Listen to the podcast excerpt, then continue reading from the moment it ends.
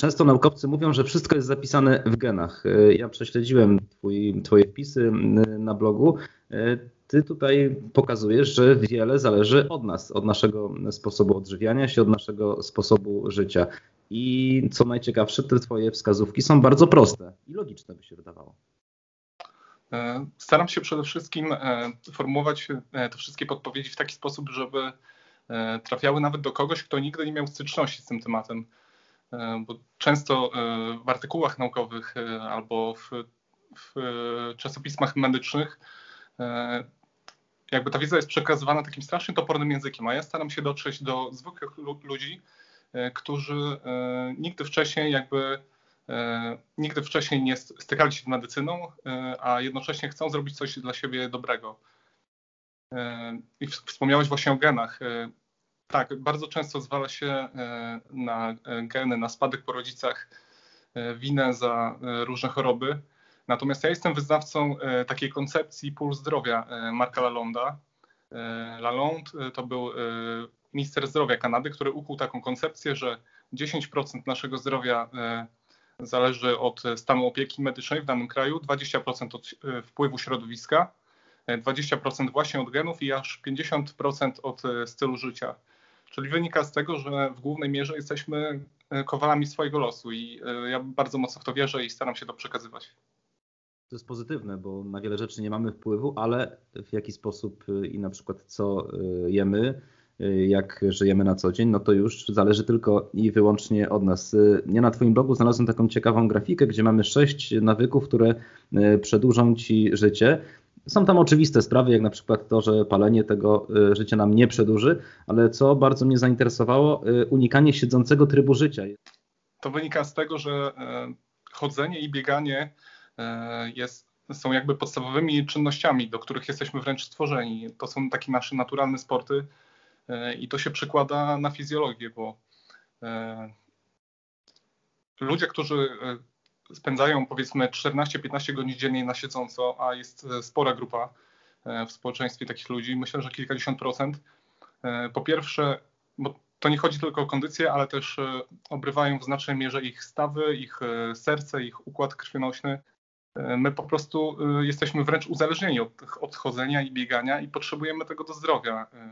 I stawy to jest jedna rzecz, a jest jeszcze druga bardzo ciekawa bardzo, ciekawa, bardzo ciekawy wynalazek naturalnej inżynierii, to znaczy pompa mięśniowa, bo e, kiedy ktoś ma problemy z krążeniem, to e, zazwyczaj ma albo zimne ręce, albo zimne nogi. To jest taki pierwszy objaw, pier, pierwszy sygnał, że coś dzieje się nie tak. I to też jest logiczne, bo na przykład stopy, nie dość, że są bardzo oddalone od serca, są najdalszym obszarem ciała, to jeszcze, żeby krew wróciła ze stóp do serca, to musi pokonać siłę grawitacji. I my jesteśmy tak fantastycznie skonstruowani, że w czasie chodzenia mięśnie aktywują się w takiej kolejności, że e, jakby wyciskają e, tę krew e, z powrotem do serca i ułatwiają jej powrót. Więc to jest po prostu kapitalna sprawa. Do tego i chodzenie, i bieganie jest absolutną podstawą zdrowego stylu życia i rehabilitacji. Jest po prostu polecane każdemu. Czyli jak ktoś mówi nie biegaj, bo sobie stawy rozwalisz, to znaczy, że nie musimy go słuchać. Nie, to jest nieprawda. To znaczy trochę inna sprawa jest na przykład e, z osobami, które mają e, chorobę zwyrodnieniową. U nich, e, u nich ta chrząstka jest już w zaniku, kość trze o kość i tam faktycznie przy dużych obciążeniach może pojawić się nie tylko ból, ale też no, żywa kość się ściera, więc akurat wtedy jest wskazana najpierw rehabilitacja, często operacja i dopiero potem powrót do zdrowia, ale na dłuższą metę tak, ciężko obyć się bez chodzenia i biegania. Mhm. My w naszym programie właśnie promujemy przede wszystkim bieganie, ale też e, zdrowy styl życia. Rozumiem, że bieganie jak najbardziej wpisuje się w ten cały program, jak dożyć do setki. Tak, jak najbardziej. Bieganie spokojnie możemy uznać za e, wpisać jakby do tej kategorii zdrowych ćwiczeń, e, regularnego ruchu.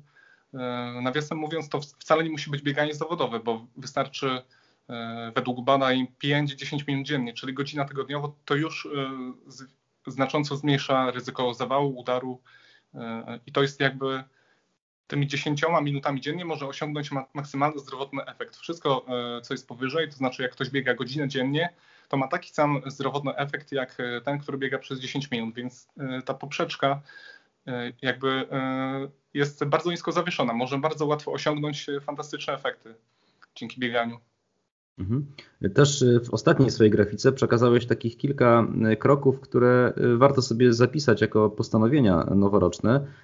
Bardzo proste by się wydawało, postanowienia, które też pomogą nam no, w zdrowej formie dożyć pewnie wielu lat dla mnie Nowy Rok nie jest jakimś wielkim przełomem, natomiast ja piszę nie dla siebie, tylko dla ludzi, więc zdaję sobie sprawę, że bardzo wiele osób traktuje ten Nowy Rok, ten przełom jako właśnie zmianę. E, I w tym roku ja skupiłem się na tym, żeby e, te postanowienia były mocno związane właśnie z ruchem, z aktywnością fizyczną. I ja jestem ogólnie mm, Mm, staram się e, przekazywać e, taki sposób e, podchodzenia do wyrabiania, wyrabiania nowych nawyków, żeby nie rzucać się od razu na głęboką wodę. To znaczy, żeby nie zapisać się od razu na siłownię, nie biegać po 10 kilometrów dziennie, nie zmieniać całej diety, tylko krok po kroczku stopniowo wprowadzać zmiany. I właśnie w tym najnowszym wpisie przekazuję koncepcję promowaną mocno przez Miłosza Brzezińskiego, który jest moim absolutnym idolem, jest znakomitym psychologiem i on ukuł e, pojęcie nawyczków, to znaczy e, chodzi o to, żeby na początek e, wyznaczyć sobie taki cel, który jest tak prosty do pokonania, że po prostu nie da się go nie wykonać. Czyli na przykład zamiast zapisać się na siłownię, wystarczy zrobić trzy pompki. Zamiast od razu celować w maraton, wystarczy na przykład przez minutę pochodzić po mieszkaniu i to na początek absolutnie wystarcza. Ja tam piszę też e, o tym, że mózg, e, nasz mózg, mimo całego rozwoju technologicznego, cały czas operuje na tych aplikacjach sprzed dziesiątek tysięcy lat. To znaczy, e, mózg najchętniej wysłałby nas na polowanie, a potem kazał nam odpoczywać, więc to, to wyjaśnia w, znaczeń, w znacznej mierze, dlaczego jesteśmy z natury po prostu leniwi. I te, te nawyczki są takim wytrychem do mózgu, żeby przemycić na początek jak, jakąkolwiek e, aktywność, e, ten robaczek z nawyczkiem e, wgryza się w mózg, on sobie tam siedzi, wgryza się w umysł i powoli sobie rośnie. I gdy zaczniemy od takich naprawdę drobnych rzeczy, to po pewnym czasie, pod warunkiem, że one są regularne, regularne to reszta dzieje się sama. No i krok po kroku jesteśmy w stanie osiągnąć naprawdę spore cele, biegać się długie dystanse i tak dalej, i tak dalej. Tak, bo tam widzę w tym wpisie, nie wiem, robić 200 kroków y, przed każdym posiłkiem, y, zamiast stać na przystanku. W tym czasie można się przejść, czy chociażby to, żeby wysypiać się no i chodzić na, pie na piechotę, jeżeli jest to możliwe, zrezygnować z windy. To są rzeczy, które są naprawdę proste, a mówisz, że efekty są duże. Efekty tak, na dłuższą metę efekty mogą być fantastyczne, natomiast na początek wystarczy skupić się na tych drobnostkach E, to, o czym wspomniałeś, e, e, ja jestem, jakby staram się ułatwić wyrabianie tych nawyków i promuję taką, takie podejście, żeby odsuwać sobie z drogi wszystkie kłody i w związku z tym dobrze jest podkleić ten nawyczek pod jakąś inną czynność, żeby łatwiej ją zapamiętać, żeby nie musieć się zastanawiać, kiedy ją wykonać. Czyli na przykład idziemy do łazienki i robimy dwie pompki. I to nawet nie na podłodze, tylko na ścianie, bo tak jest prościej. E, albo właśnie przed każdym posiłkiem robimy 200 kroków, albo chodzimy przez minutę, e, albo gdy czekamy na autobus, to spacerujemy po przystanku zamiast stać. I w ten sposób nie tylko budujemy zdrowy nawyk, ale też zbieramy na przykład dzienną pulę kroków, bo 8 tysięcy kroków dziennie to jest takie minimum, żeby zachować właśnie i zdrowe stawy, to o czym mówiliśmy, i zdrowe serce, i jeszcze parę, kilka, parę innych korzyści. Mhm. Te, te nawyki, które teraz powinniśmy budować, są szczególnie ważne w momencie, gdy no, na przykład wiele osób pracuje z domu, pracuje zdalnie. O ten ruch zdecydowanie ciężej chyba, prawda?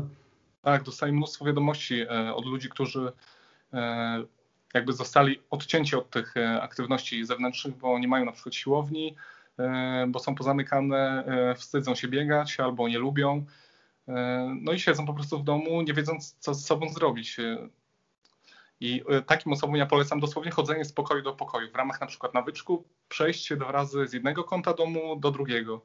I to już jest, e, to już jest na początek coś. Niektórym to się wydaje głupie, tak chodzić po domu w kółko, ale to naprawdę działa. Ja sam sobie wyrobiłem taki nawyk w, w czasie tej pierwszej fali pandemii, w marcu, w kwietniu. Ja wtedy też wracałem do formy, bo w lutym przeszedłem dość, dość ciężką grypę.